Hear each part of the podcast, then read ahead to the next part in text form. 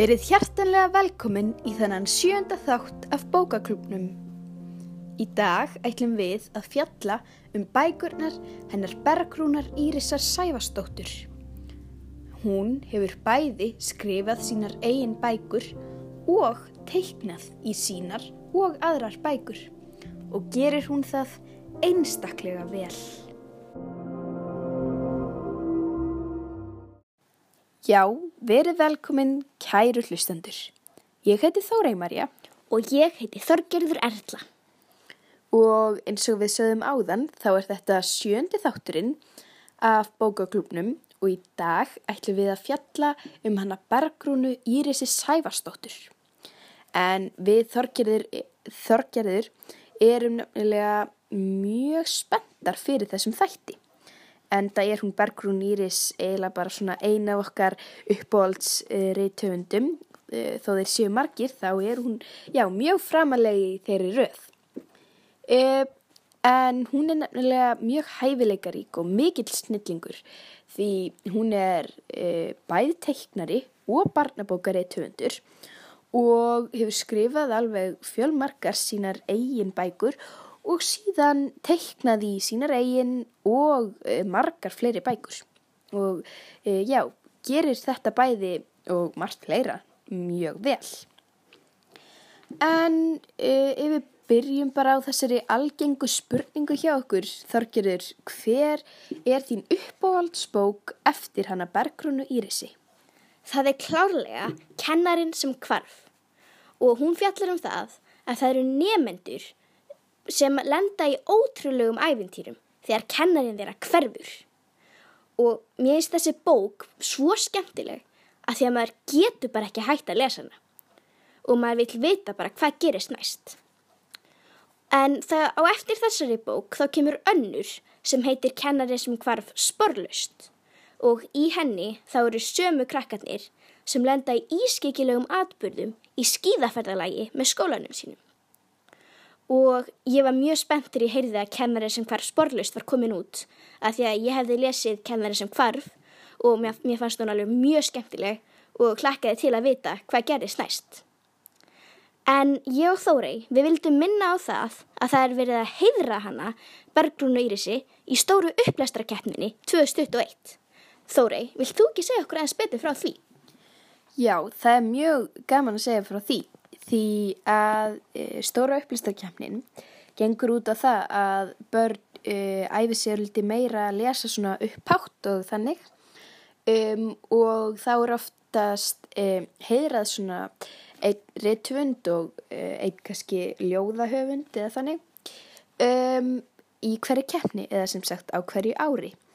Og í ár, árið 2021 Uh, uh, var hún Bergrún, eða er hún Bergrún Íris? Uh, heiðruð fyrir kemina og þá lesa nefnendur svona cirka bát eina blaðsjöðu úr kennarin sem kvarf upphátt og dómarar síðan velja já, hver les best í raun og veru þó allir standa sig náttúrulega alltaf mjög vel í þessari keppni En já, þannig er það. En vístu, við vorum að tala um uppáhaldsbækur eftir hana Bergrún Írisi. Það langar mér líka að nefna eina. Þó að kenninni sem kvarf og kenninni sem kvarf sporlust er alveg ótrúlega spennandi bækur. Þá er ég þó með eina sem toppar allt. Það er bókin Langelstur í bekknum. Því hún er náttúrulega óendanlega fyndin. En í stuttumáli fjallar hún um nefnanda í fyrsta bekk sem kynnist öðrum nefnanda þar. Nema sánefandi er kannski aðeins eldri en hún. Allt í lagi, hann er kannski ekki bara aðeins eldri, heldur er hann 96 ára og hún er cirka bát 7-6 ára eitthvað þannig. Um, en þó að þessi aldursmunu sé á millið þeirra um, og já, gamla kallinum sem er 96 ára e, líður kannski ekkert eitthvað voðalega vel að vera í fyrsta bekk en þá, þá kemur þeim þó afar vel saman þótt um, þetta sé allt svona svolítið sérstakt þannig á milli.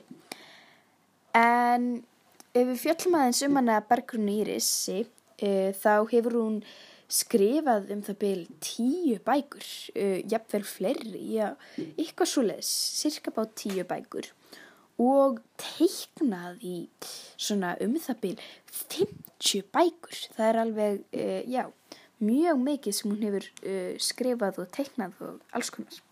Og auðvitað hefur hún teiknað í sínar eigin bækur líka. En uh, svona upp á gamanið þá rákumst við þorgirur á yfirlit á vefsíðunni hjá bókabeitunni sem sýnir allar þær tilnefningar og uh, eða tilnefningar til verðluna og verðlaun sem hún Bergrún Íris hefur fengið. Um, svo við ákveðum að nefna nokkur.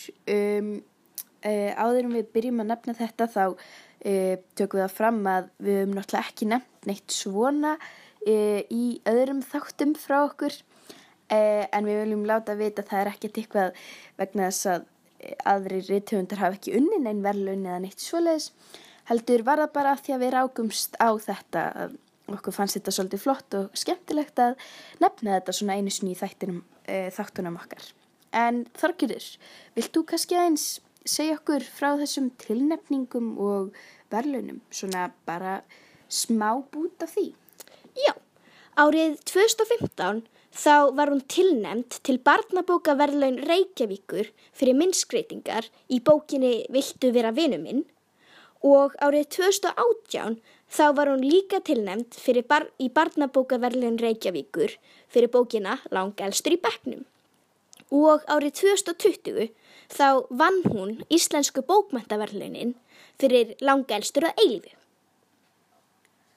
Já, og síðan hefur hún náttúrulega unnið og uh, verið tilnefnd til ótal fleiri verðlauna og tilnefninga. Uh, og eins og þið tókuð eftir þá kannski, þá uh, varst að nefna hérna hún var tilnefnd til barnabókaverðlauna uh, ver, verðlaun Reykjavíkur árið 2018 fyrir emitt bókina Lang elstur í bekknum sem ég var að segja ykkur frá núna áðan.